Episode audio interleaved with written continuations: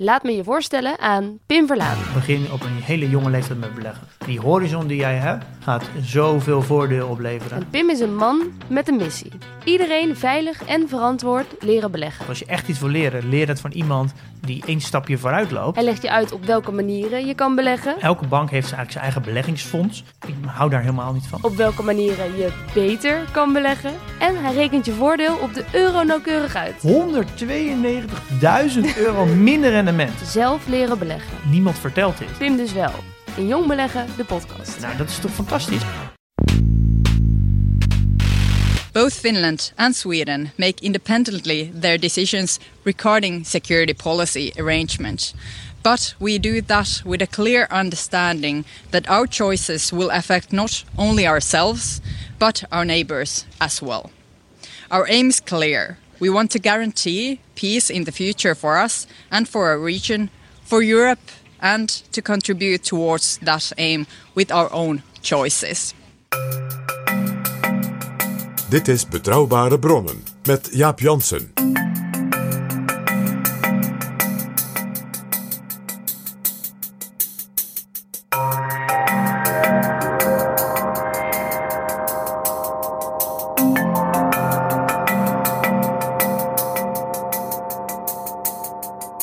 Hallo, welkom in Betrouwbare Bronnen, aflevering 265. En welkom ook PG. Dag Jaap. In het intro hoorde je de Finse premier Sanna Marin. Twee weken geleden op een gezamenlijke persconferentie met haar Zweedse collega. De twee landen kondigden daar aan dat ze allebei van plan zijn het lidmaatschap aan te vragen van de NAVO. Een historisch moment. En speciaal over Finland gaan we het in deze aflevering hebben. Maar eerst, PG, heten we onze nieuwe vrienden van de show welkom. Hebben we het hoogtepunt meteen gehad, Jaap? Wat jammer nou. helaas. Het zijn er weer een heleboel. Wie zijn het? Irene, Jochem, Lex, Niels, Filipine, Magiel, Tjeerd, Frank, Etty en Erik Jan. Geweldig bedankt weer. Allemaal hartelijk dank voor je donatie. Welkom als vriend van de show. En wil jij ook vriend worden? Ga dan naar vriendvandeshow.nl slash bb. Dit is Betrouwbare Bronnen. PG, wij bevinden ons in Europa. En wat is er in Europa aan de hand? Nou ja, alles gaat drie keer over de kop. Is ongeveer elke 48 uur. Met dank aan Vladimir Poetin. Een heleboel dingen die we eigenlijk niet voor mogelijk achten, uh, die zijn gebeurd. Negatieve dingen, de inval in Oekraïne, waar toch ook wel weer een aantal positieve dingen uit voort kunnen komen. Zoals veel inniger samenwerking van de landen in de Europese Unie. Hernieuwde samenwerking van de Europese Unie met de Amerikanen. En de NAVO, die heeft ineens een enorme upswing gekregen. Landen blijken plotseling bereid veel meer aan de NAVO te gaan bijdragen. De NAVO wordt ook weer als heel belangrijk gezien. En landen die er nooit lid van waren, die melden zich nu ineens voor een lidmaatschap. Ja, Jaap, het is, het is bijna nog gekker, zou ik zeggen. Uh, naast dus die versnelde intensivering van de Europese samenwerking, die overigens het Frans voorzitterschap voor dit half jaar eigenlijk al had willen opporren. Nou, ze krijgen er bijna meer van dan ze voor mogelijk hielden. Is er nog iets waar we veel meer van krijgen, wat we volstrekt niet voor mogelijk hielden?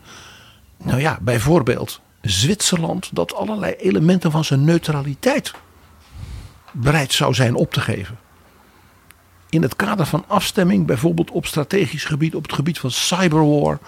En dat Frits Zwitserland ook gewoon heel actief meedoet met sancties met de Zwitserse banken samen. Ja, en Caroline de Gruyter wees daarop in haar column in NRC afgelopen weekend. De Zwitserse liberaal Thierry Burkhardt, die heeft een stuk geschreven in de Neue Zürcher Zeitung, Das Ende der Igelschweiß. Dus Zwitserland als het egeltje uh, dat ja, in een soort bange neutraliteit zich van iedereen uh, ja, toch een beetje afstand neemt. En naar iedereen prikjes in zijn rug heeft, zodat niemand aan ze zal raken.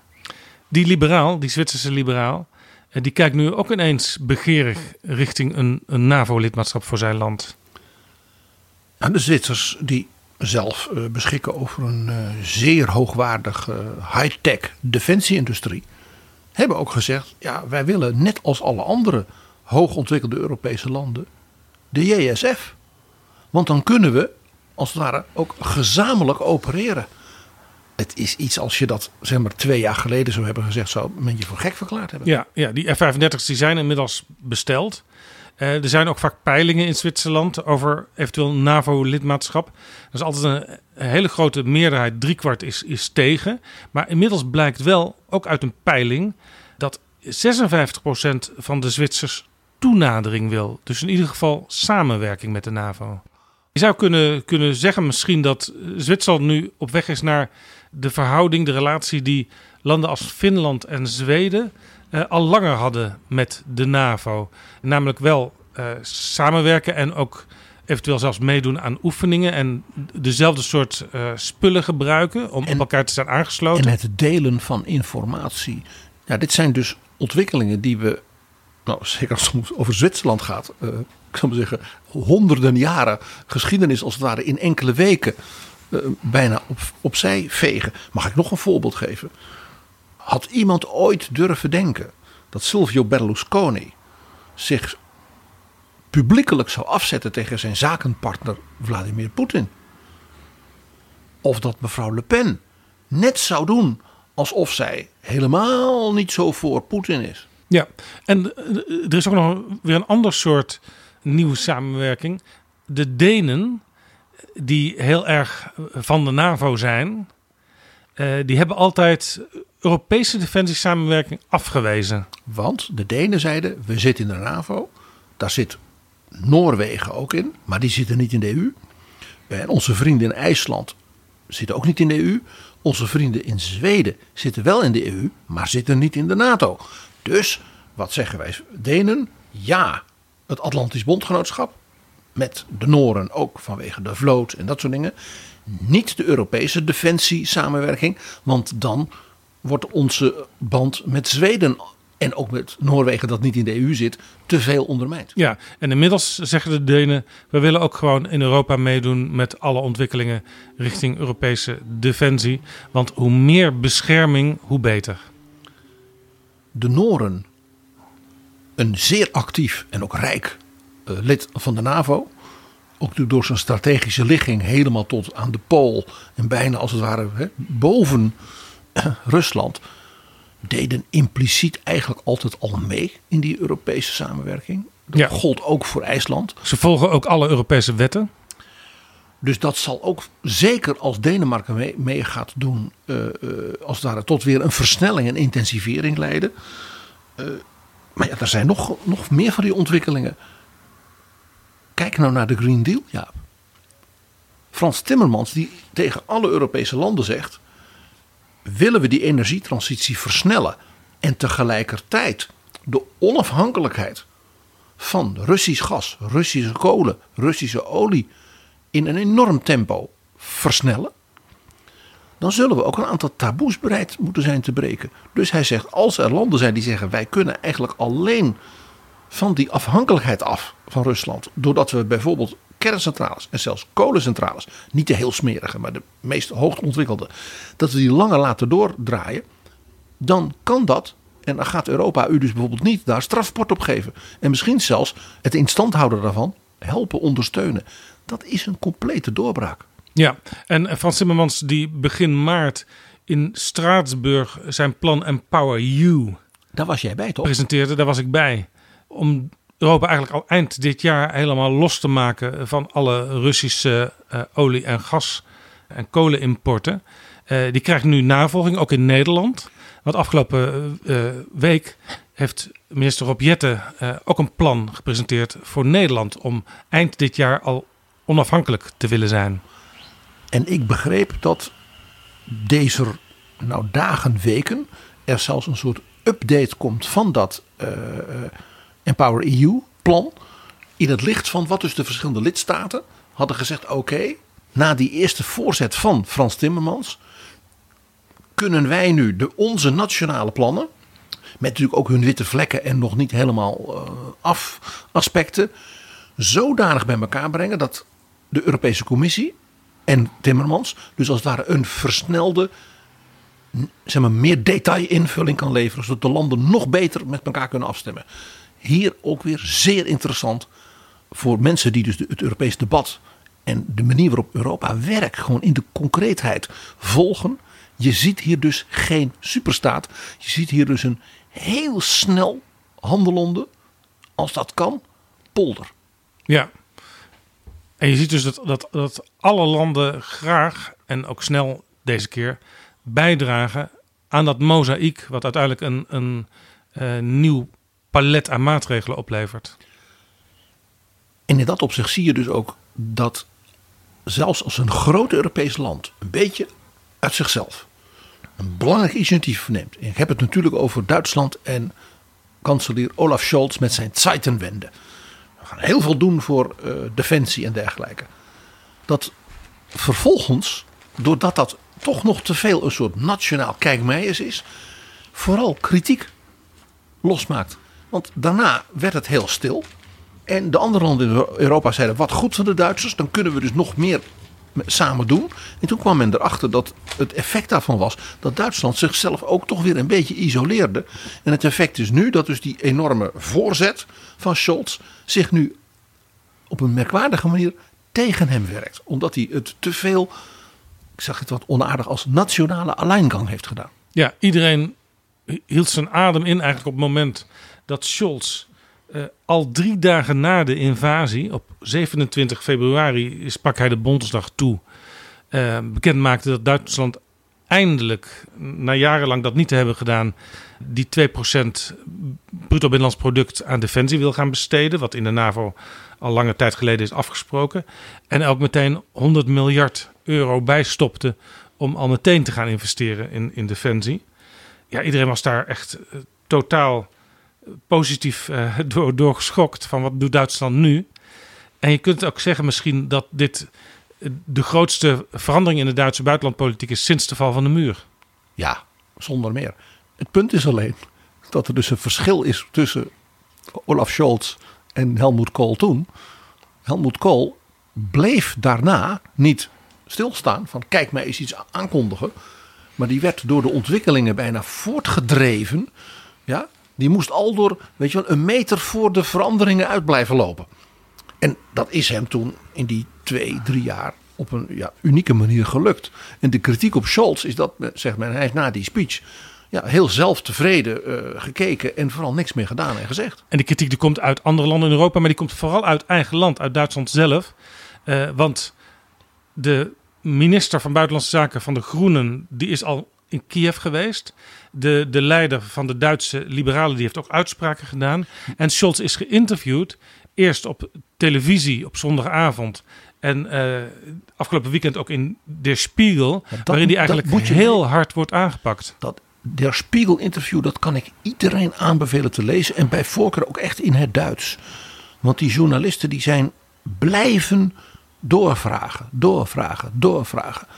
En de irritatie en ook het, het, bijna, bijna de sprakeloosheid van Scholz in dat interview is heel opvallend. Het meest gemene van de afgelopen week, Jaap, op dit punt, was een Duitse journalist die verslag deed van het bezoek van mevrouw Beerbok, dus de groene buitenlandminister. Annalena Beerbok. Drie dagen was zij op bezoek in Litouwen, Letland en Estland. Weet je hoe dat werd genoemd door die journalist? De Wiedergutmachungstournee. En Wiedergutmachung voor Scholz? Ja. Nou ja, in, in dat interview met Der Spiegel, daar wijzen ze erop dat Zelensky, de president van Oekraïne, gevraagd heeft om zware wapens. En dan wordt Scholz gevraagd, waarom, waarom krijgt Oekraïne die niet? En dan, ja, dan, dan zit hij een beetje te aarzelen en hij, hij zoekt er een beetje argumenten bij die door anderen eigenlijk al wel weer weerlegd zijn. En bijvoorbeeld, ze kunnen niet met die uh, spullen omgaan. Het meest pijnlijke was dat de Britten, uh, bijvoorbeeld de, de, last generation howitzers, die overigens Nederland ook gaat leveren, aan Kiev ging leveren. En daar zat dus een training bij van twee dagen. Ja. ja. Dus die argumenten. Dat Ander argument van Scholz is. Poetin die zou dat kunnen interpreteren als de NAVO is nu echt in oorlog met, met mij. Op dat punt en ook zo van ik wil alles doen om een derde wereldoorlog en een kernwapen inzet te voorkomen. Daarvoor kreeg hij met name ook in Duitsland hele zware kritiek. Omdat men zei, een kanselier moet in zo'n situatie niet allerlei angstvisioenen schetsen naar de Duitse bevolking.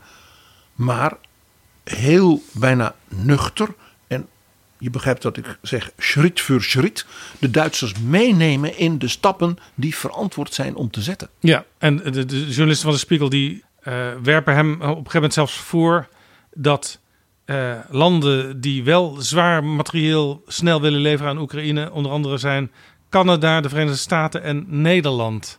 En waarom blijven wij zo achterlopen? Ze aan de bondskanselier.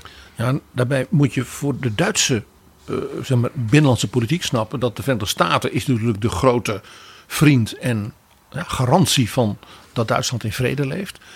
Canada en Nederland hebben natuurlijk beide in Duitsland een zeg maar, identiek imago als leuke, progressieve, licht pacifistische, uh, uh, ja, democratische ja. landen met een heel soort positief imago.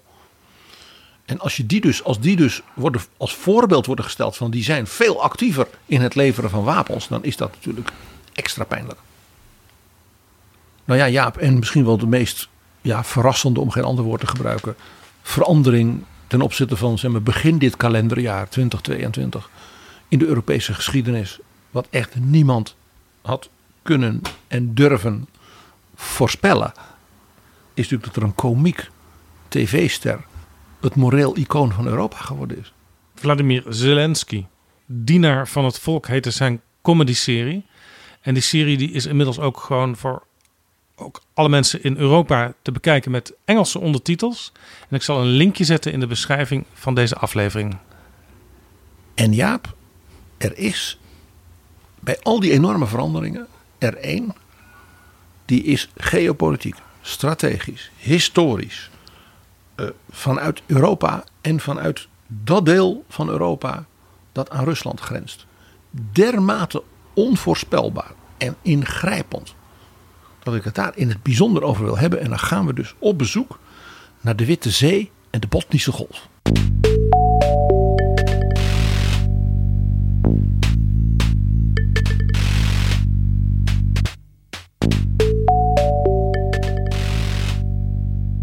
PG, jij wil dus graag kijken naar die noordflank van Europa.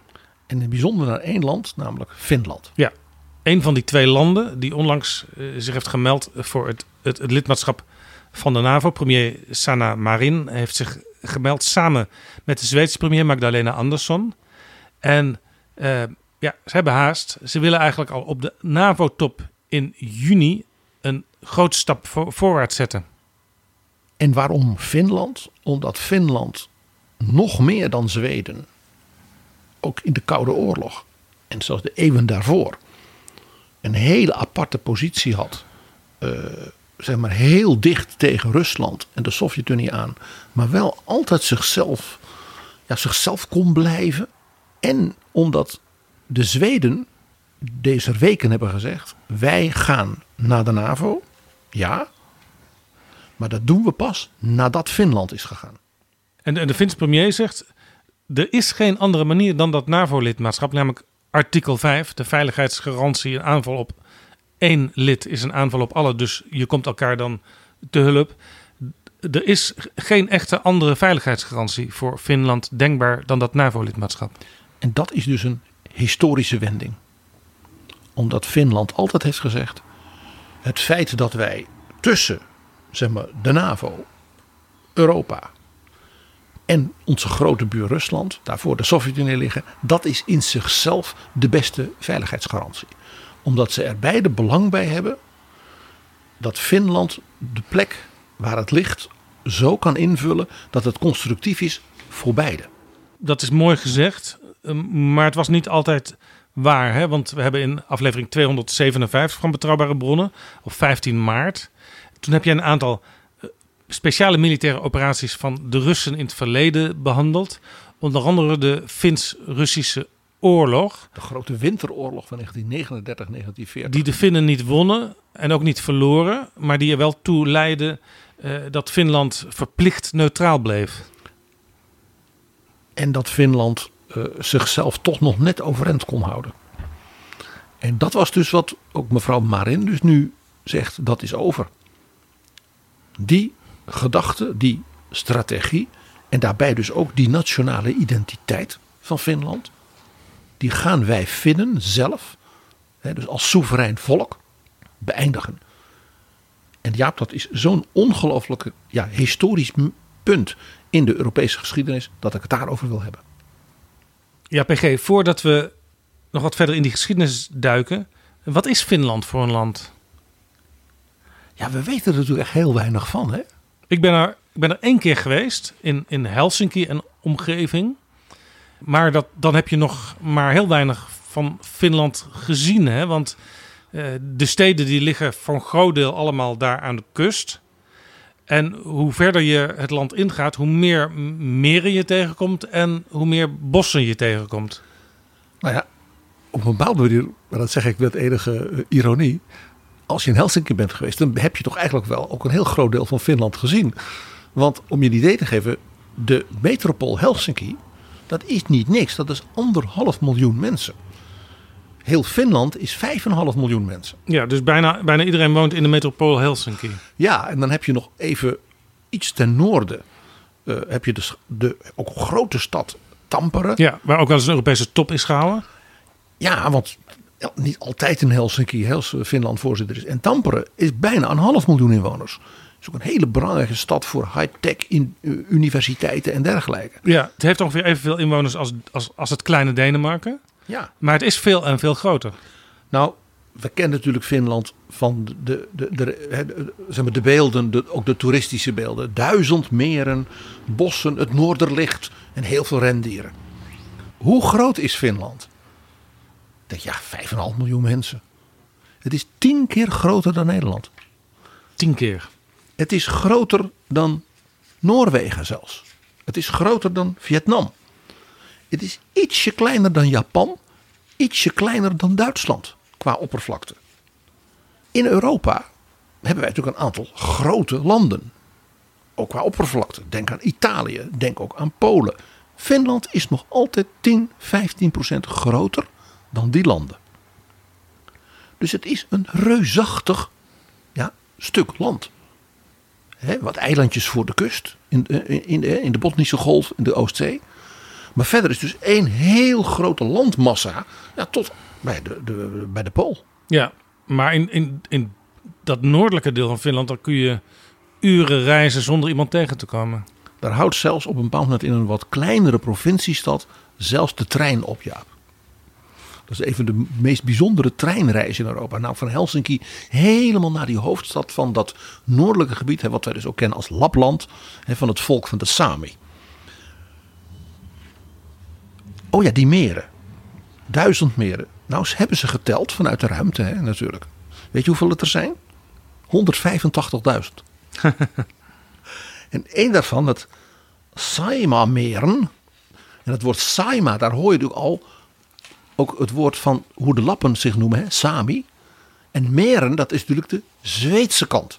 Want Finland, daar zo het ook heeft, een hele belangrijke Zweedse kant ook. Dus in dat woord zitten dus die twee zeg maar, stammen in Finland. Hè, dus de Lapse kant en de Zweedse kant. Dat Saimameeren, dat is 1400 kilometer, vierkante kilometer groot. Het is een van de grootste binnenlandse watervlakten van Europa. Dus die meren, een heleboel zijn natuurlijk klein, maar er zijn er ook bij die zijn enorm.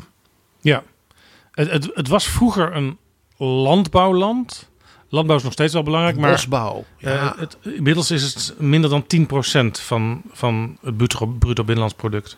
Ja, eh, Finland is een heel welvarend, rijk land in de eurozone. Hè, dus de beeldvorming van rendieren en eh, weet je, van die hondensleeën en zo, dat is allemaal wel waar. Maar ja, dat is dus in dat verre, verre noorden. Ja, het lijkt in die zin ook een beetje op Nederland. 65% van de beroepsbevolking werkt in de dienstensector. Ja, en 60% van de handel van Finland, en die is dus heel hoog en intensief, is binnen de EU. Het is een typische, wat wij zouden zeggen, kenniseconomie. Het is absoluut top in heel hoogwaardige dienstverlening. Dat heeft te maken natuurlijk met hun enorme ja, avant-garde rol in ICT, elektronica, eh, artificial intelligence en alles wat daarbij hoort. Ja, we kennen natuurlijk allemaal eh, Nokia als merk. Ze waren er heel vroeg bij met de mobiele telefoons. Sowieso daarmee dus alles met hele complexe machines.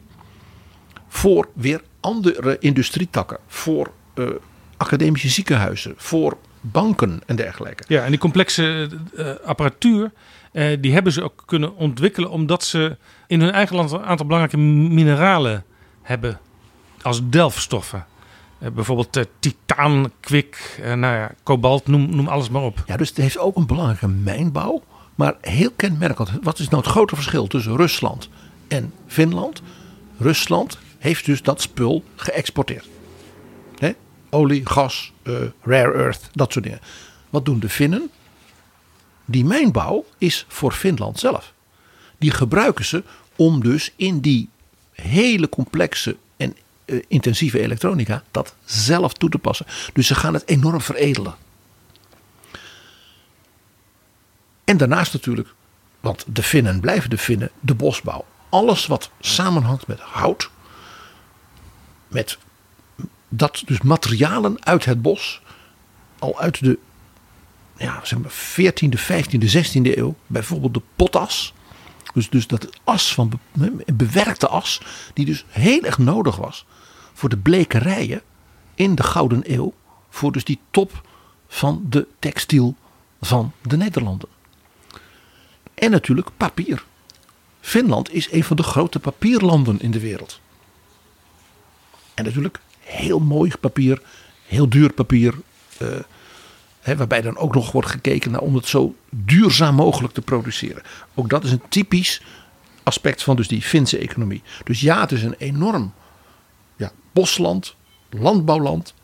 Maar de economie heeft zich in de loop van de, zeker de voorbije 50 jaar ongelooflijk ontwikkeld. Nou, het behoort dus tot de absolute toplanden in de wereld van de kenniseconomie. Ja, en Nederland werkt ook intensief samen met Finland economisch. Nederland en Finland zijn voor elkaar ongelooflijk belangrijk.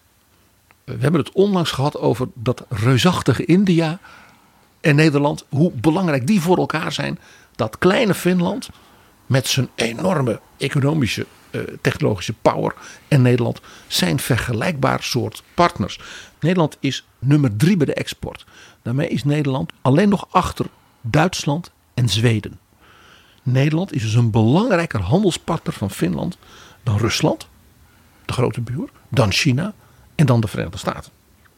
Ja, in het Zweeds eh, zeg je overigens net als wij Nederlanders Finland, maar in het Fins zeg je Suomi. Suomi, dat is de naam die de Finnen zichzelf hebben gegeven. Finland is natuurlijk een land met een hele bijzondere taal en cultuur en achtergrond. Suomi is dus een echt topland in Europa. En behoort als je kijkt naar welvaart, maatschappelijke ontwikkeling en dergelijke. Altijd in het rijtje van de bovenste vijf landen in de wereld. En samen met de Scandinavische landen, de Benelux-landen, ook in Europa eigenlijk altijd bovenin. Het land waar, met, waar de mensen het meest gelukkig zijn. Het land met de hoogste ontwikkeling van eh, lezen. Eh, het land heeft natuurlijk een enorme reputatie wat betreft de kwaliteit van zijn onderwijs. Eh, het is dus ook een hele grote cultuurnatie. Eh, nou ja, technologie eh, en dergelijke. De persvrijheid, meningsvrijheid. Het, het hoort dus echt heel erg bij die Noordse landen wat betreft zijn cultuur. En het interessante is dat het dus niet een Scandinavisch land is. Zoals men vaak denkt. Ja. Want dat komt natuurlijk door die hele eigen taal en cultuur van Swami. Maar wat is dan precies de definitie van wanneer ben je een Scandinavisch land? Als je, zoals de Denen, de Zweden, de Noren en ook IJsland, natuurlijk van de vikingen stamt. En je dus die taal van die landen die heel erg op elkaar lijkt, spreekt. En dat geldt voor Finland volstrekt niet. De Finnen waren geen vikingen en ze spreken ook niet die taal. PG, jij zegt het waren geen vikingen. Eh, Finland ligt natuurlijk wel zo'n beetje ja, in diezelfde groep. Hoe kan het dan dat zij zich toch eigenständig hebben kunnen ontwikkelen?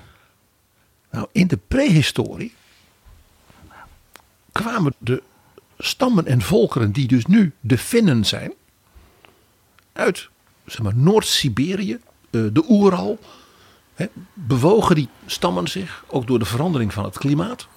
En de meest westelijke zeg maar, uitloper van die Siberische Oegrische, want zo worden die volkeren genoemd, stammen, dat zijn dus de Finnen. En dat zie je ook nog aan de Lappen, dus de Sami in het noorden van Finland. De kleding van hen, hun cultuur, eh, eh, het leven ook helemaal met de rendieren, eigenlijk met hen samen voortdurend in beweging zijn. Met wel kleine vestigingen, hè, met huisjes en altijd natuurlijk een kleine, prachtige houten, witte Lutherse kerk. Dat is helemaal zoals volkeren zeg maar, in, aan de noordrand van Rusland, tot diep in Siberië, die we kennen als de Chumash en de Komi. Vandaar dat ook dus eh, die band tussen Finland en Rusland, eh, een historische band, dat die ook wel logisch is als je er gewoon al op de kaart naar kijkt. Ja, de, zeg maar, de meest westelijke plek waar dus die Siberische Oegrische stammen uiteindelijk terechtkwamen, was Finland. En dus ook vooral ook in dat noorden. eh, uiteindelijk natuurlijk ook in het zuiden, wat dan nu Helsinki is. Maar eigenlijk werd het daar al te warm. Zal ik maar zeggen. Zweden en Denemarken was echt veel te warm voor die, voor die stammen. En hun, zeg maar, hun economie, hun rendieren eh, en hun, hun levenswijze.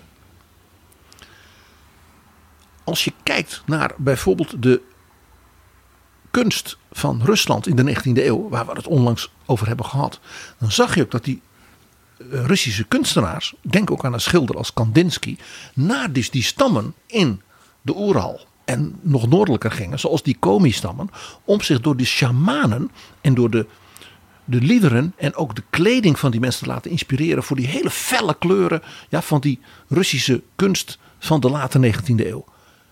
Precies dat zie je ook in Finland bijvoorbeeld in de kleding van de Sami. Daar zie je dus de enorme overeenkomsten en zeg maar, dezelfde smaak en ideeën en eh, de manier waarop men zijn kleren maakt en de decoraties als van die Siberische stammen. En pas rond, nou zeg maar, halverwege de 13e eeuw, dus nadat de vikingen ja, hun rooftochten hadden gedaan. Dat een beeld dat vooral in de Europese middeleeuwen gold hoor. Het waren ook gewoon handelaren. Met die schepen van hen. Hè, IJsland, Groenland, Canada. Ja, wat wij nu zelfs de Verenigde Staten noemen. Daar kwamen ze.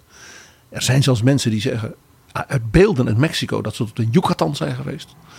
En natuurlijk naar die oostkant, hè, waarbij Kiev, Rus, hè, dat was een vikingkoninkrijk. Toen dat, voor, in die fase, hebben ze dus ook langzamerhand Finland als het ware geëxploiteerd. Dus vanaf zeg maar zo 1250 was Finland in feite een Zweedse kolonie. Dus er was een bovenlaag van, van Zweedse zeg maar, aristocraten. Dat waren grootgrondbezitters.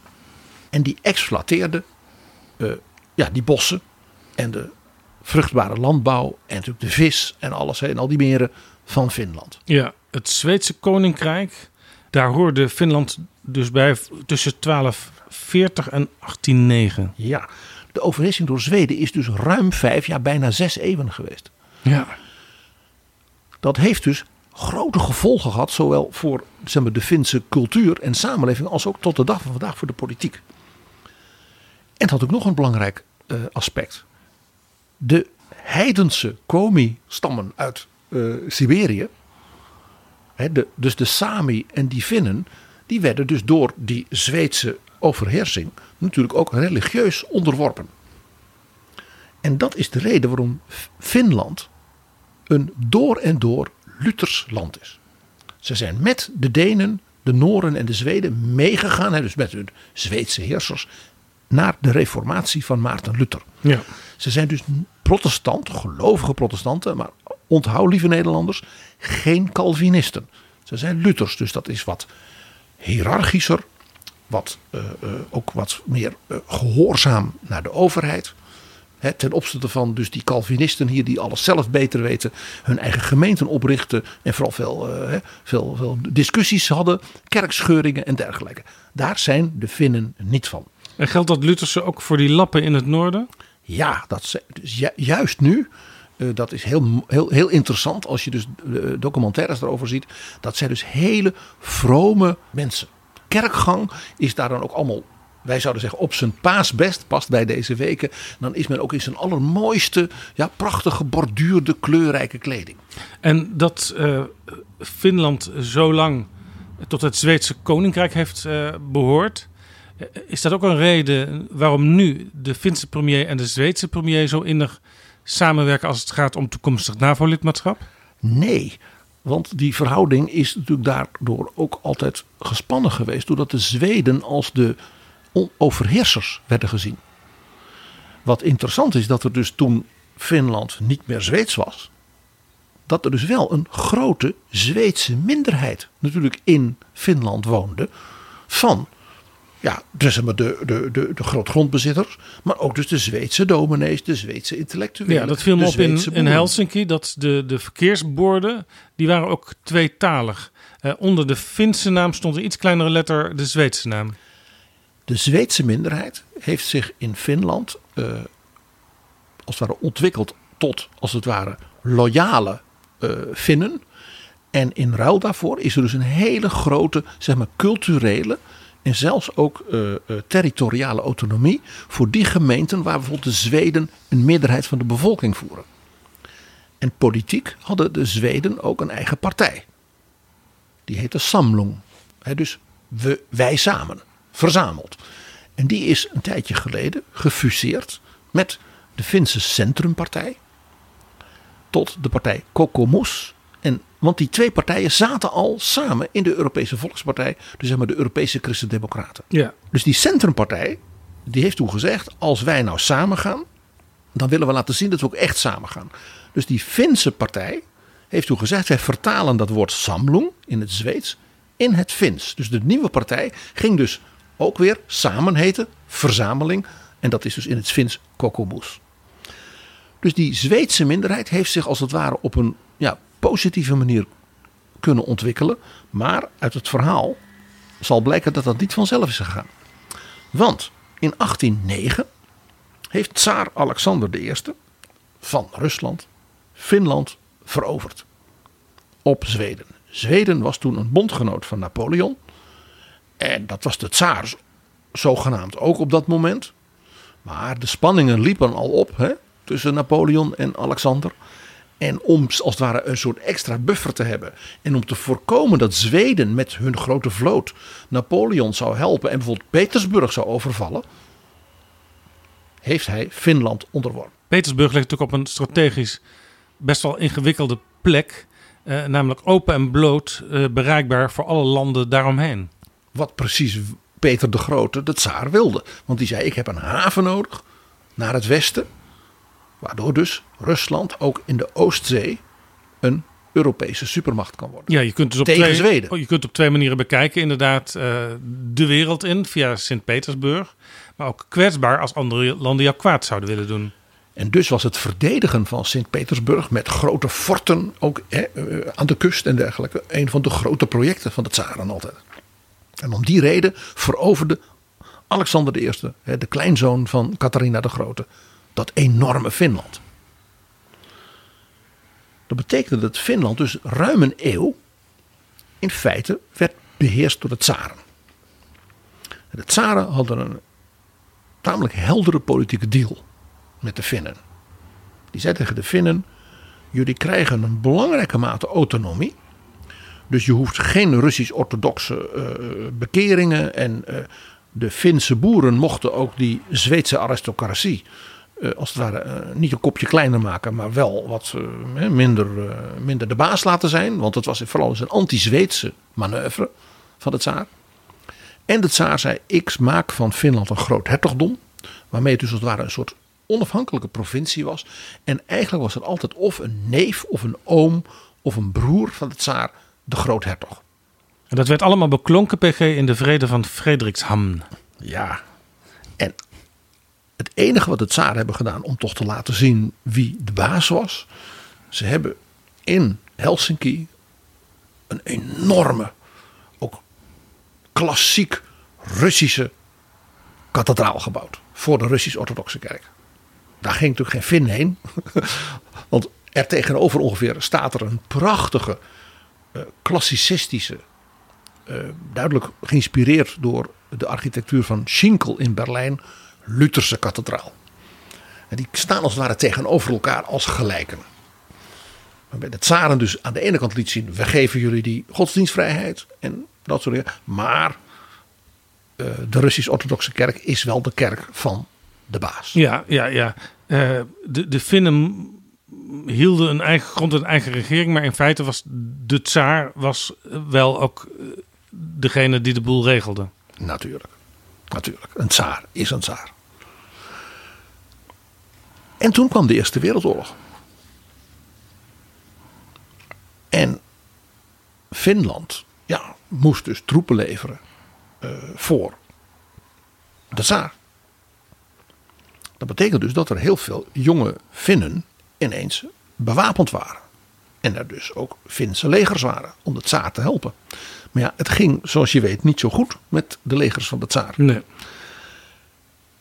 En toen hebben de Finnen, toen de tsaar aftrad. En er dus een burgerlijke regering in Sint-Petersburg en in Moskou kwam. Ja, de, de, de kortstondige liberale Russische regering. Ja, toen hebben de Finnen zich onafhankelijk verklaard. Toen bleek er een buitengewoon doordacht netwerk te zijn in Finland. Zeg maar in het hele land. Van mensen die klaar stonden om te gaan regeren. Waarbij dan ook nog die militairen, als het ware, konden zorgen om het een beetje power te geven. En het verhaal, Jaap, van dat netwerk is heel leuk, dus dat ga ik even kort doen. De Finnen hadden, doordat ze dus godsdienstvrijheid hadden en cultuurvrijheid, in die 19e eeuw iets heel erg van zichzelf ontwikkeld. Namelijk een grote traditie en cultuur van koren en van zingen. De Finnen zijn een enorm zangvolk. Elk dorp was er een koor. En het was niet alleen van de kerk, het hielp ook voor grote kerkelijke feesten, maar ook men zong Schubert, men zong vooral heel veel Duits. Ja.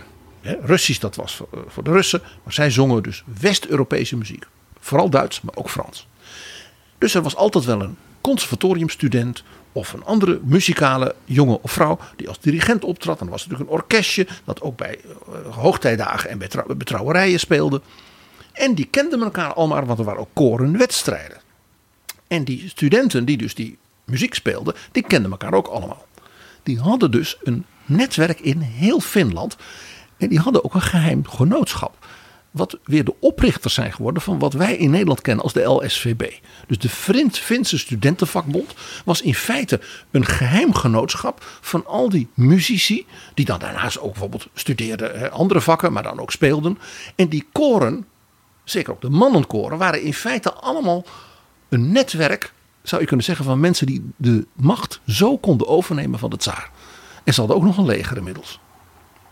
Dus die Finse onafhankelijkheid en opstand is in belangrijke mate geïnspireerd dus door een netwerk van koren en studenten. En het hoofdkantoor van de Finse Studentenvakbond, ik heb daar ooit gesproken op een conferentie, dat de grote zaal daarvan bevat allemaal wandschilderingen van die koren. Ter herinnering, en die liet zich dus dan schilderen van wij hebben onder leiding van die studenten en hè, als zangers de onafhankelijkheid van ons land bevochten.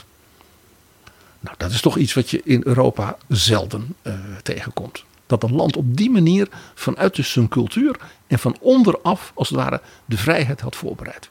Ja, ja. Um, zij verklaarden zich dus onafhankelijk, eenzijdig. Op 6 december 1917 was dat.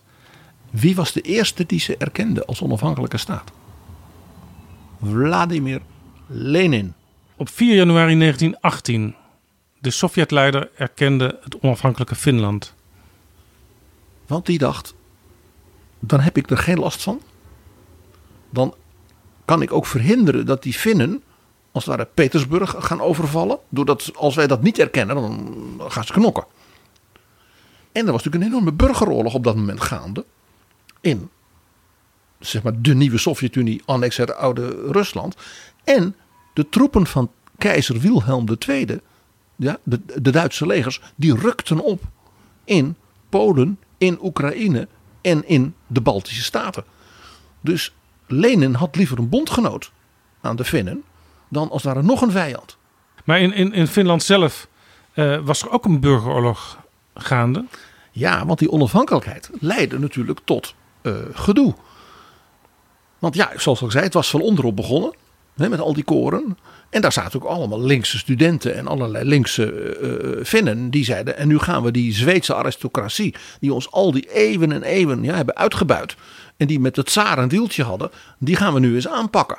Wij willen een communistisch Finland. Want die zeiden, die Lenin die erkent ons en die vinden we geweldig. Ja, de Dus Finse Socialistische Arbeidersrepubliek. ja, dus er ontstond ineens een soort hele linkse republiek vanuit die hè, zeg maar, zingende onafhankelijkheid. Waarbij die Zweden dachten, jemig, straks worden wij ge, al onze spullen afgepakt, genationaliseerd. Die zagen als het ware in Finland gebeuren wat onder Lenin in Rusland gebeurde. Dus het leger van Finland, dat niet zo heel links was, zullen we maar zeggen. En die Zweden, die hebben toen de Duitse keizer te hulp geroepen. En ja, die rukte al op natuurlijk. Hè. Dus die konden zo vanuit de Baltische staten met boten een Duits leger naar Finland sturen. Dus dat Duitse leger van de keizer heeft in de laatste maanden van het Duitse keizerrijk geholpen met het onderdrukken van die communistische opstand, zoals dat al later werd gebracht, van dus de Finse onafhankelijkheid. Ja, en de, de overwinnaars in Finland, eh, die riepen zelfs eh, een koninkrijk uit. Ja, dat weet niet iedereen. Als ze hun zin hadden gekregen en als dus de Duitse keizer niet had moeten aftreden, een paar maanden later, dan was Finland een koninkrijk geweest met een Duitse prins als koning. Ja, uh, Vainö de Eerste, eh, die is zelfs twee maanden ongeveer koning geweest. Ja, hij heeft dus een tijdje gewoond, als het ware, in de, de, de paleisvertrekken van dus die grootvorst eh, van, van de tsaar. Eh, maar ze hebben hem op een nette manier snel weer met zijn koffers naar huis gestuurd. Want die felle burgeroorlog die leidde uiteindelijk ook doordat het in de Sovjet-Unie zo'n gedoe was, tot een soort compromis. Waarbij men heeft gezegd: we gaan eh, eh, geen communistisch Finland doen. We gaan er een, proberen er een wat nette, democratische, liberale eh, Europese republiek van maken. Waarbij dan de Zweedse elite accepteert dat dus de Finse bevolking, de grote, het grote gedeelte van de bevolking, via verkiezingen ook gewoon het voor het zeggen heeft. Waarbij de, de Zweden dan als nationale minderheid wel worden beschermd. Ja, Dus men heeft een soort poldercompromis uiteindelijk gevonden in zeg maar 1920. eh, en toen ook gezegd van nu gaan we het ook proberen goed te doen. ja en toen in 1920 eh, werden ze opnieuw weer door de Sovjet-Unie erkend. Eh, in het Estse plaatsje Tartu werd er een vredesverdrag gesloten. Ehm, en in ruil daarvoor moesten de Finnen wel afzien van een aantal aanspraken op stukjes, oude stukjes Finland die inmiddels tot de Sovjet-Unie waren gaan behoren. Ja, dat was met name aan de oostrand. Zeg maar dicht dus bij Sint-Petersburg. Want eh, Lenin en zijn toen al rechterhand Stalin waren natuurlijk best bang dat als ze heel dicht daarbij zouden eh, zijn, dat dat natuurlijk druk zou uitoefenen. Daarbij komt eh, dat Stalin zijn hele leven een hele merkwaardige obsessie had voor eh, de Karelische Socialistische Republiek. Dus dat was het, het, het reepje Sovjet-Unie aan de rand van Finland. Oost-Karelië. ja, want daar woonden iets van 50.000, 100.000 Finnen. Die dus die communistische republiek hadden willen doen. En die zijn toen als het ware bij het stichten van de Democratische Republiek Finland. Hebben die gezegd, mogen wij dan verhuizen naar Karelië? Want wij willen het communisme opbouwen. En ook heel interessant, een groot aantal Finse emigranten uit Canada, uit de Verenigde Staten, die toen naar Finland terugkwamen om Finland op te bouwen. En een groot deel daarvan was heel, zeg maar, eh, links. En die zeiden, als communisten hebben wij het kapitalisme in Amerika meegemaakt. Wij willen dat mooie idealistische communisme opbouwen. Dus ineens was er een Finse groep immigranten uit Finland en uit Amerika en Canada. die in Karelië gingen wonen. En Stalin heeft die mensen eerst enorm aangemoedigd. ook om Finland dwars te zitten. En ze vervolgens, het zal jou niet verbazen, Jaap, allemaal uitgemoord. Ja. Honderdduizenden, dus idealistische Finnen. die dus wilden helpen aan het opbouwen van de Sovjet-Unie. ze zijn allemaal vermoord. Hetgeen dus ook een aspect is in de verhouding tussen Finland en de grote buur tot de dag van vandaag. Want ja, men weet dit. Ja, met andere woorden, je kunt wel overeenkomsten sluiten met die Russen, maar je kunt ze nooit helemaal vertrouwen. En uiteindelijk kennen ze geen genade. Ook niet met mensen die met hen als het ware iets moois willen opbouwen. Nou, dat uh, werd natuurlijk, uh, die Democratische Republiek Finland, die bloeide. Uh, een van de allereerste landen natuurlijk in Europa met algemeen kiesrecht voor mannen en vrouwen. Waar ook vrouwen al heel snel actief werden in de politiek. maar men heeft natuurlijk altijd na, met name 1930, toen Stalin helemaal de baas was, natuurlijk altijd in angst en beven geleefd en altijd geprobeerd de Sovjet-Unie op afstand te houden. En tegelijkertijd dan maar wanneer dat moest, en dat moest vaak toch ook invloed te geven op de binnenlandse politiek in Finland. Uh, de Sovjet-Unie beschouwde het een voorrecht dat alleen de Sovjet-Unie had, dat ze kon meebepalen wie president werd, bijvoorbeeld. Ja, maar ze hebben voor de zekerheid wel de Finnen altijd een leger op de been gehouden. Het is een zeer uh, krachtig militair land. Ik geef een voorbeeld. Ik had onlangs een tweet van mijn vriend Tommy in Finland. Het oud-voorzitter van de studentenvakbond in Finland. En die toonde een foto van dat hij weer even een extra militaire oefening had gedaan. Helemaal in uniform met zijn kisten die hij aantrok. En hij straalde. En dat is een hartstikke linkse jongen. Maar dat, dat bij de Finnen dat zit heel diep in zeg maar, het nationale eigen. Van je verdedigt ja, waar je voor staat. Dat is van links tot rechts en van jong tot oud in Finland. Dat hoort er gewoon bij.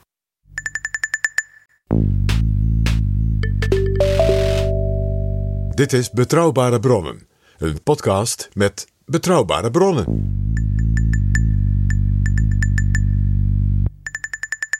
We hebben natuurlijk in aflevering 257 die winteroorlog besproken.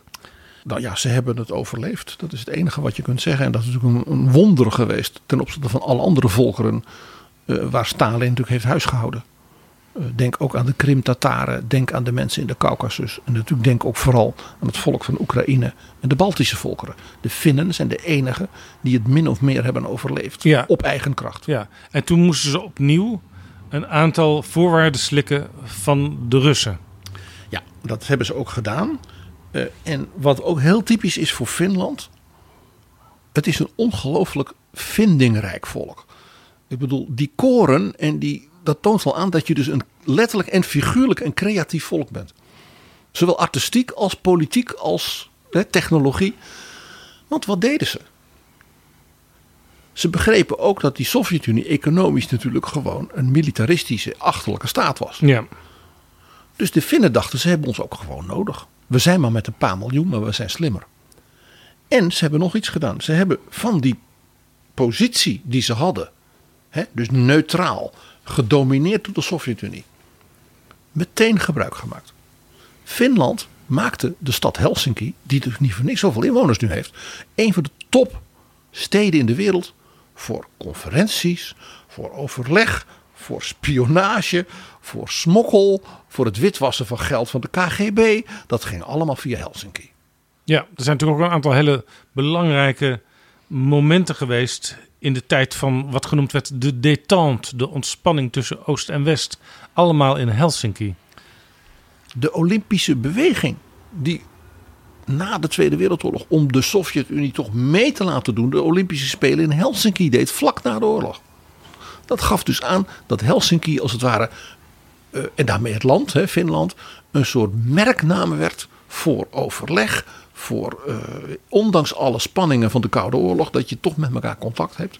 Het was ook geen toeval dat toen president Trump er zo'n behoefte aan had om toch helemaal zelf met zijn grote vriend Poetin als twee gelijken te onderhandelen. Dat Poetin toen zei: Nou, uh, uh, ja, u, u, mag van mij naar Moskou komen. En dat toen de Amerikaanse ministers, de regering, tegen Trump zeiden: Nou, dat gaat wat ver. Dus toen werd het Helsinki. Ja, in Helsinki werden in 1975 Helsinki-akkoorden gesloten. En dat leidde ook tot de oprichting van de Organisatie voor Veiligheid en Samenwerking in Europa, de OVSE. Heel belangrijk moment. En Helsinki-verdrag maakte het mogelijk dat mensen als Václav Havel en ook de zogenaamde dissidenten in de Sovjet-Unie zich konden beroepen op de mensenrechtenafspraken in dat eh, overleg en in dus dat verdrag van Helsinki, waardoor uiteindelijk de val van de muur het gevolg was. Ja, toch is er ook een begrip uit die tijd wat niet zo positief was. En dat is het begrip Finlandisering. Ja, dat is dus als een land een hele grote buur heeft. Die dus ook ideologisch en uh, materieel domineert. En waar men als het ware dan maar nou ja, compromissen sluit. En zich een beetje laat koeieneren, om het maar zo te zeggen. Uh, om de lieve vrede. En ja, dat is natuurlijk niet uh, heel aardig hè, tegen de Finnen. Uh, maar zoals ik al zei, is de creativiteit waarmee de Finnen daarmee omgegaan zijn. Als je je verdiept in de geschiedenis van dat land, is soms bijna vermakelijk. Ja, uh, er was ook toen na de Tweede Wereldoorlog een verdrag gesloten tussen de Finnen en de Sovjets. En daarin, nou heel genereus, boden de Sovjets ook bijstand aan, hulp, als, het, als de Finnen die nodig zouden hebben. Uh, dat was eigenlijk een, een, een, vergiftigd cadeau van de Russen. Ja, dat was wat we natuurlijk later de Brezhnev-doctrine zouden noemen. Dat de Sovjet-Unie en het Warschau-pact, waar Finland niet in zat, uh, de, de taak had dat als het socialisme werd bedreigd in een broederland, dat men dan zo'n broederland te hulp kon schieten. Dat is wat in Afghanistan ook gebeurd is. Nou, de Finnen hadden niet zo'n behoefte uh, hetzelfde lot te ondergaan als de Hongaren of de Afghanen. Laten we dat maar zo zeggen. Ja, maar in 1961 werd het even kiele kiele. Want had je natuurlijk de, de crisis in Berlijn gehad met de, bouw van de muur. En uh, toen zeiden de, de, Russen, ja, wij willen jullie uh, die fameuze hulp aanbieden die al in dat verdrag besloten ligt. Want uh, ja, we zien dus de, de DDR leeglopen. Iedereen die daar ja, heeft doorgeleerd en wat die gaat naar dat West-Duitsland, waar de fascisten aan het bewind zijn. En uh, ja, we moeten toch voorkomen dat ook de Finse ja, bevolking. Je begrijpt, dat is ook hoogontwikkelde, slimme mensen. Die gaan straks allemaal verhuizen naar Zweden en naar Denemarken en naar Duitsland. Die willen ook in de Europese Unie. Dus misschien moet er ook maar een muur worden gelegd rondom Finland. Ja, dat is dat idee. Ja, nou, um, uiteindelijk ging het niet door. De president van Finland, Kekkonen, die kon Khrushchev ervan overtuigen. Hij ging er speciaal voor naar Moskou. Dat de Finnen voorlopig liever zelf hun eigen neutraliteit handhaafden. Uh, president Kekkonen behoort dan ook tot de mensen in Finland. Dat als je die naam laat vallen, dat is een soort vader des vaderlands. Die had zeg maar, de finesse om het politbureau om te praten. Ik zei al, het zijn hele creatieve mensen. Overigens, er is nog wel een, een, een soort aansluiting van de Finnen uh, geweest bij een deel van West-Europa, namelijk de Noordse Raad. Ja, het mooie is dat hoort ook weer bij die creativiteit. De Finnen zeiden: wij kunnen natuurlijk geen lid van de NATO worden en ook niet van de EU. Maar die landen van Scandinavië en zo. Uh, uh, het is wel goed als die met elkaar afstemmen. Dus de Sovjet-Unie zei: Nou, doe dat maar. Finland mag meepraten. Natuurlijk vanuit het idee dat men daarmee ook invloed kon uitoefenen. En misschien zelfs spionage. Want Helsinki was natuurlijk een enorme spionagestad. Uh, bij dus die delen van die Noordse Raad, zoals Noorwegen en Denemarken, die wel in de NATO zaten. En dus die Noordse Raad was ook weer zo'n soort half-half ding. Waardoor Finland zich ook weer net dat kleine beetje extra beschermd voelde. Zonder dat de Sovjet-Unie als het ware heel argwanend werd. Daar kwam nog iets bij, Jaap, iets economisch. En dat heeft met name gespeeld in de tijd na Khrushchev. Toen onder Brezhnev de Sovjet-Unie een enorme olie- en gas-exporteur werd, hadden ze daar natuurlijk technologie voor nodig. Hmm. Voor ja, het uit de grond halen en, en, en die pijpleidingen die de Duitsers bouwden. En dat moest allemaal natuurlijk bewaakt worden. En ze wilden natuurlijk niet westerse technologie waar allemaal spionagespullen in zaten. Want daar waren ze bang voor. Dus dat maakte dat kleine Finland weer extra belangrijk. Als, ja, net niet vazal. En er was nog iets. Finland is natuurlijk heel erg leeg. Ja. Dus wat deed de Sovjet-Unie? Die lieten de Finnen in grote uh, reservoirs in de grond zowel olie als gas opslaan, wat zeg maar eigendom was van de Sovjet-Unie. En dan werden er dus hele schimmige constructies bedacht door met name de geheime dienst van de Sovjet-Unie. Die had namelijk allerlei buitenlandafdelingen. Die richtten dan weer eigen bedrijven op en banken. Die waren dus vaak in Helsinki gevestigd en in, en in Wenen bijvoorbeeld. Ja? En die exploiteerden dan die, uh, die, die, die, die voorraden in de Finse grond. En die werden dan verkocht natuurlijk op de wereldmarkt voor dollars en tapemarken en later euro's. En daar hield dus de KGB heel veel valuta aan over. Ja, daar werden ze rijk van. En daar kon men dus bijvoorbeeld Fidel Castro van betalen. En de familie Kim. En communistische uh, bewinden elders. Want dat kon je natuurlijk niet met roebels doen. En de Finnen die deden net of ze dat niet wisten. Ja, zoals ik al zei. Een creatief volk dat af en toe ook wist. We moeten niet alles willen weten wat er gebeurt. dus die rol van Helsinki als draaischijf in de diplomatie, maar ook dus schimmige financiële constructies en spionage werd alleen maar belangrijker. En dat maakte de Finnen dus zachtjes steeds minder afhankelijk en minder onderworpen ten opzichte van het Kremlin. Ja, Helsinki is dus eigenlijk een stad met een Januskop. Ja. Want je wil de wereldvrede bevorderen en vooral ook de eigen vrede in eigen land. Uh, maar je hebt er heel wat voor over om dat uh, dichterbij te brengen. En daar moet je soms een prijs voor betalen. En soms even een andere kant op kijken.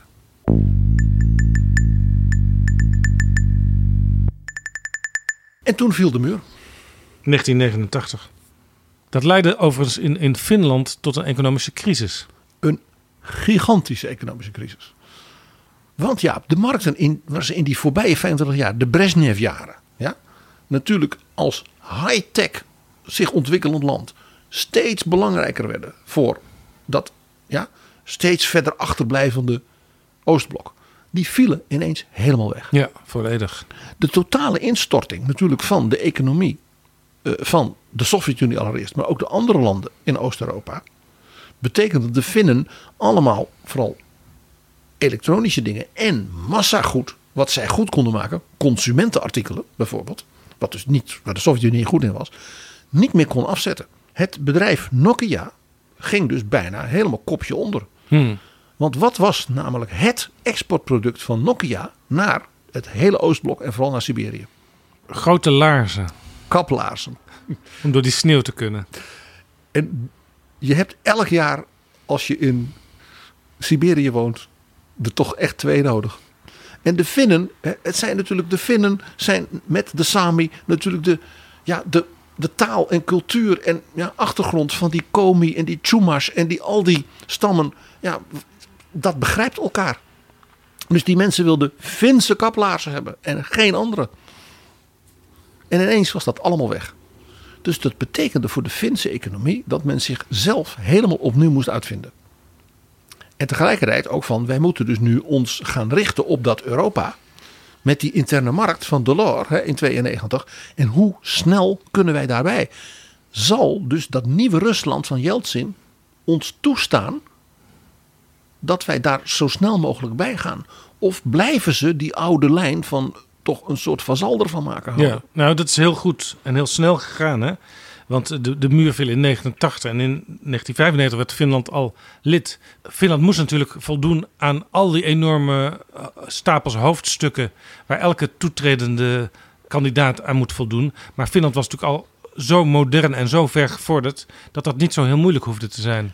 Nee, en het was een zodanige democratie en rechtsstaat dat als de Finnen zeiden wij passen die en die elementen van onze wetgeving aan, dat men dan niet zei, nou, eerst maar eens over vijf jaar een evaluatiecommissie sturen van het Europees nou Parlement. sterker nog, in, in de lijstjes uh, van democratieën en, en rechtsstaten uh, en, en weinig corruptie staat Finland altijd zo'n beetje bovenaan. En ik moet hier één naam noemen. Dat is Esko Aho, de premier van Finland op dat moment. Dat was de jongste premier in hun geschiedenis.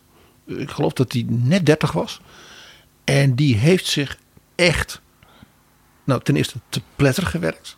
En was een jonge vent met een, ja, een soort visioen voor het Finland van de toekomst. Hij is dus de bedenker geweest van dingen als Citra en Tekes.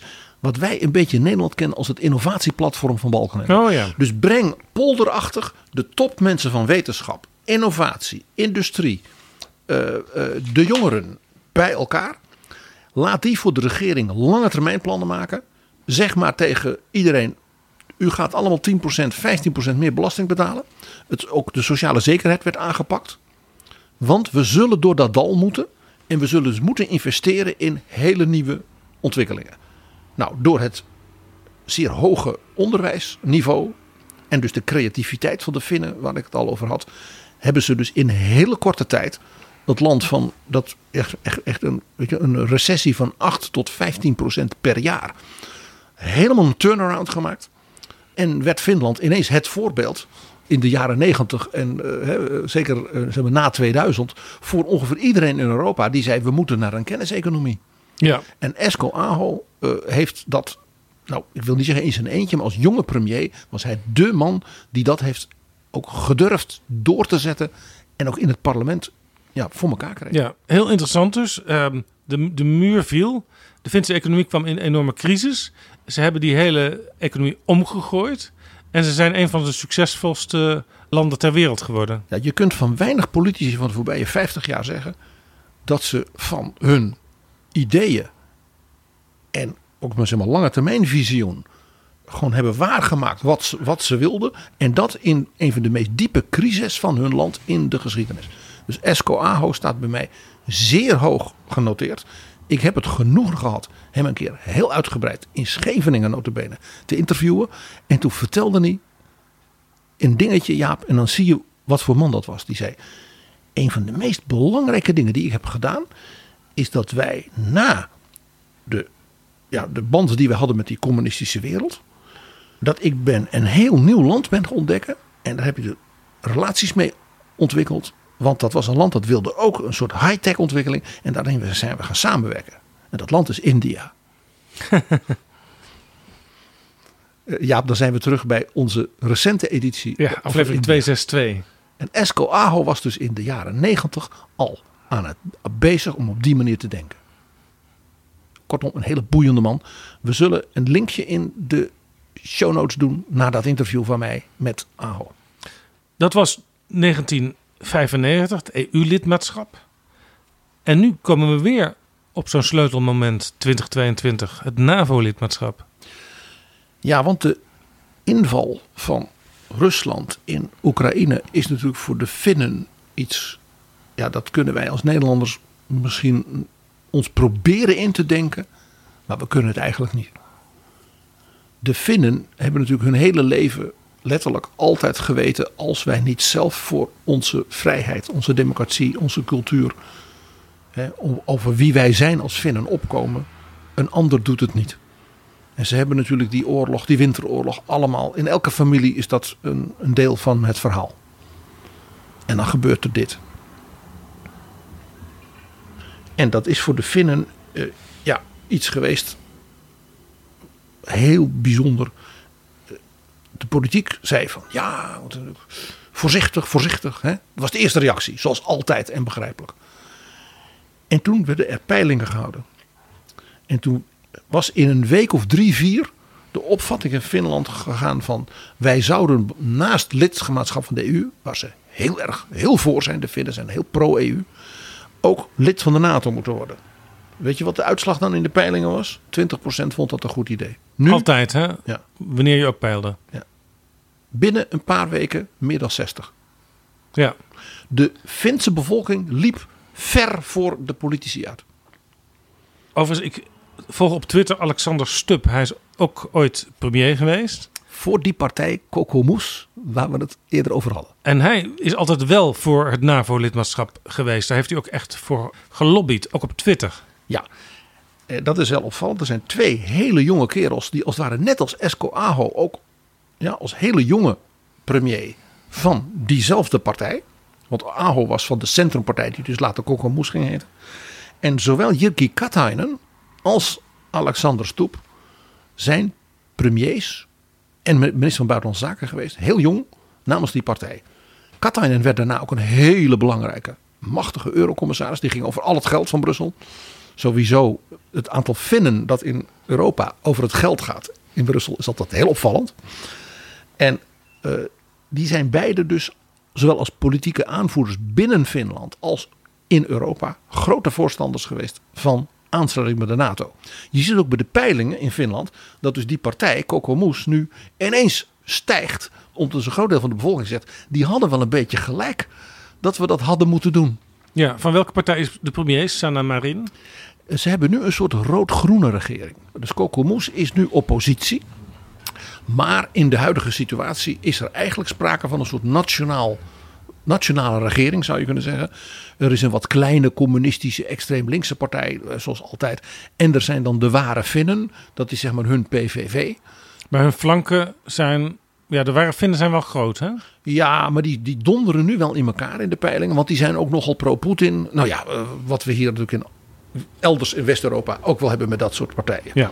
Maar je ziet dus ten aanzien van de geopolitieke positie van Finland is er nu sprake van een grote, brede, zeg maar middengroep. Waarbij dus dat Kokomoes wel een beetje voorop loopt, zal ik maar zeggen. Uh, en uh, ja, er wordt nu gewoon openlijk gediscussieerd dat er binnenkort een soort, ja, soort motie van de regering zal komen. Misschien wel getekend dus door meerdere partijen, ook door de oppositiepartijen.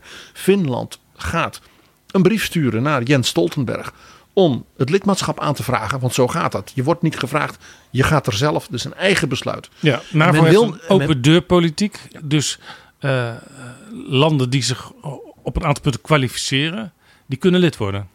Precies, je moet wel voldoen aan een aantal uh, eisen. Nou, Finland voldoet natuurlijk als het gaat om militair geprepareerd zijn.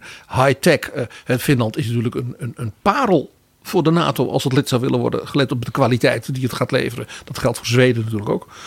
Uh, dus als, er die, als die brief komt, kijk, de premier en met name ook de president uh, heeft gezegd: de bevolking is er klaar voor. Wij politici moeten dat op een nette manier doen. Hè, dus staatsrechtelijk moet het, moet het deugen. En de president heeft duidelijk laten blijken dat hij zegt: het liefste heb ik een verzoek naar Brussel van de regering. Dat wordt meegetekend door zeg maar, de partijleden van Kokomoes. Van uh, uh, nou ja, de, de niet, niet zo heel extreem linkse linksen die niet in de regering zitten. En misschien nog wat kleinere partijen. De christelijke boeren. Die zijn er sowieso ook voor. Dat is beter dan alleen een brief van de premier. Dus de president drukt er wat op dat zoveel mogelijk Finnen meedoen. Nou, een heel krachtig signaal was natuurlijk heel onlangs, uh, geloof vorige week Jaap. De demonstratie op het plein van het parlement. Uh, waarbij de minister van Buitenlandse Zaken sprak namens de regering. Uh, er stond iets van 200.000 Finnen. En, hij, en, toen hebben ze aan het eind uh, gescandeerd: Wij zijn Oekraïne, wij zijn Oekraïne. Ja, ja. het parlement overigens wat uit één kamer bestaat in, in Finland, 200 leden. En daarom dat de president ook zo benadrukt van als een zo groot mogelijke zeg maar, delegatie van alle Finse partijen met de regering dat verzoek doet, dan kan er ook geen twijfel over bestaan. Ook niet in het Kremlin. Dick, ik verwacht eerlijk gezegd dat dat uh, nou ja, deze dagen gaat gebeuren. En dat uh, de Finnen dus nog voor de zomer uh, lid zijn van de NAVO. Ja, we zullen er meer over horen richting de NAVO-top in Madrid in juni. En ik verwacht dat dan Zweden onmiddellijk zich zal aansluiten. Want Zweden heeft gezegd: wij doen het niet zonder Finland. En door die bijzondere historische rol, waar we het nu over hebben gehad al die tijd, van de Finnen en ook ja, misschien ook toch wel hun nu leidende rol, geopolitiek op die plek, zeggen de Zweden: wij volgen de Finnen. Ja, de, de, de Zweedse premier Magdalena Andersson zei bij de presentatie van hun plan om lid te willen worden: als het gaat om veiligheid, zijn wij, de Zweden en de Finnen afhankelijk van elkaar. Jaap, ik kan niet genoeg ook vanuit de geschiedenis benadrukken wat een ongelofelijke, nou ja, Zeitenwende, om het woord nog eens te gebruiken, dit zou zijn. Want als Finland en Zweden beide lid van de NATO zijn, dan betekent dat dus dat die hele Baltische regio en de, de Noordpoolregio, Canada, IJsland, Noorwegen, Zweden, Finland en dan aan de zuidoever Denemarken, Litouwen, Letland, Estland is allemaal NAVO en daarmee het Westen. Ja, eigenlijk eh, op, op Siberië na. En dat kleine stukje waar Sint-Petersburg ligt. En dat betekent dus dat Poetin niet alleen aan die zuidkant, hè, de grote veroveringen van Katharina de Grote en Potjomkin, de Krim, Oekraïne, Moldova, de hele, Moldavië. ja, wat nu de Moldavische Republiek is.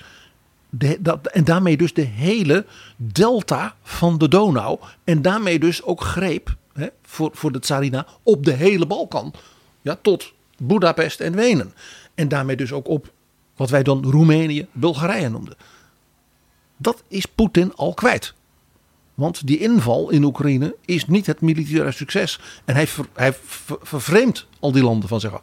Maar nu ook betekent dat als de grote andere verovering van Peter de Grote, hè, de tsaar, voor Catharina met diezelfde naam, namelijk van die Baltische kust en de aanleg van Sint-Petersburg en het verjagen dus van Zweden als de supermacht in dat hele noorden en noordoosten van Europa. Ook dat zou Poetin dan kwijt zijn. Ja, je begint een beetje te klinken als een Poetin-versteer, eh, PG. Dus laten we snel eh, naar Nee, een wat ik, conclusie bedoel, gaan. wat ik bedoel, Jaap, is iets anders. Dat dit dus voor de leiding, de elite van het Kremlin, dus betekent, we zijn alles aan het verspelen. Ja, door En- die hele inval in Oekraïne hebben we nu bereikt wat we juist met alle macht wilden voorkomen. En dat alle grote veroveringen van de tsaren ja, daarmee dus verdwenen zijn. Nog los van dus de volstrekte instorting van de economie van Rusland en het staatsbankroet. Dat is dus wat het effect is van wat er nu gebeurd is. Jaap, even tot slot hè. We hadden het er al over. Een land dat ontstaat door koren, door zingen, ja, Finland is een groot operaland. Met geweldige koren. De opera van Helsinki, ik ben er meerdere keren geweest, is magnifiek. En het is een land van heel grote zangers. En dan gaan we er eentje laten horen. En dat is Carita Mattila. Een grote diva. Een echte diva. En die kan ook heel veel verschillende rollen. Ze zingt van Verdi tot hele moderne dingen. Ze zingt Wagner. Ze zingt. Ze is nu inmiddels in de 60, maar ze is nog zeer actief. Het hele, het hele opera songboek. Poulenc. Het is ongelooflijk. En natuurlijk liederen van Sibelius, hè, de, de nationale componist. En mijn vriend Tommy, die vertelde ooit eens over haar. Dat hij zei, ja, een grote zangeres, zo'n grote zangeres. Ik zie haar vaak bij de recepties van de president en van de eh, burgemeester van Helsinki, weet je, voor de nationale feestdag en zo. Nou, dan komt ze ook altijd zingen, dat is een beetje de eregast. Zei ja, toen zei hij, zo Fins als maar kan, but she's very loud de ingetogen stille Finnen vinden zo'n opera diva toch ook iets heel moeilijks hoor, om daarmee om te gaan. Ze is wel erg luid. Waar gaan we naar luisteren, PG? Zij zingt, want dat durft zij, de grote aria waar Callas ook zo beroemd om was. Visidarte, uit het tweede bedrijf van Tosca van Puccini.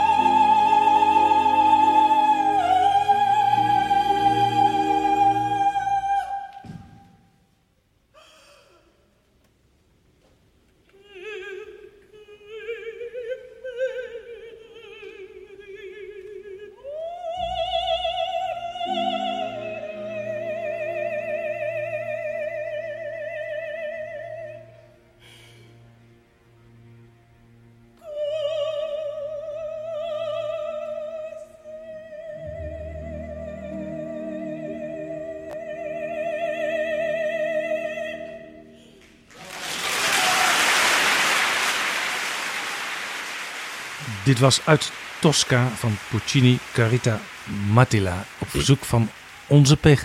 Ik heb geleefd voor de liefde. Ik heb geleefd voor de kunst. Zingt Tosca dan. Dankjewel, PG.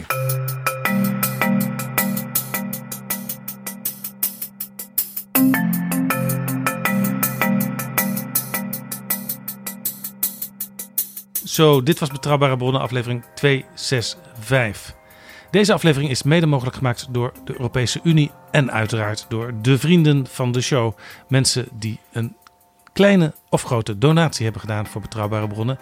En eh, heb jij daar ook zin in, na al die tijd dat je toch min of meer gratis kon luisteren? Ga dan naar vriendvandeshow.nl slash bb. Tot volgende keer. Betrouwbare bronnen wordt gemaakt door Jaap Jansen in samenwerking met dag en nacht.nl.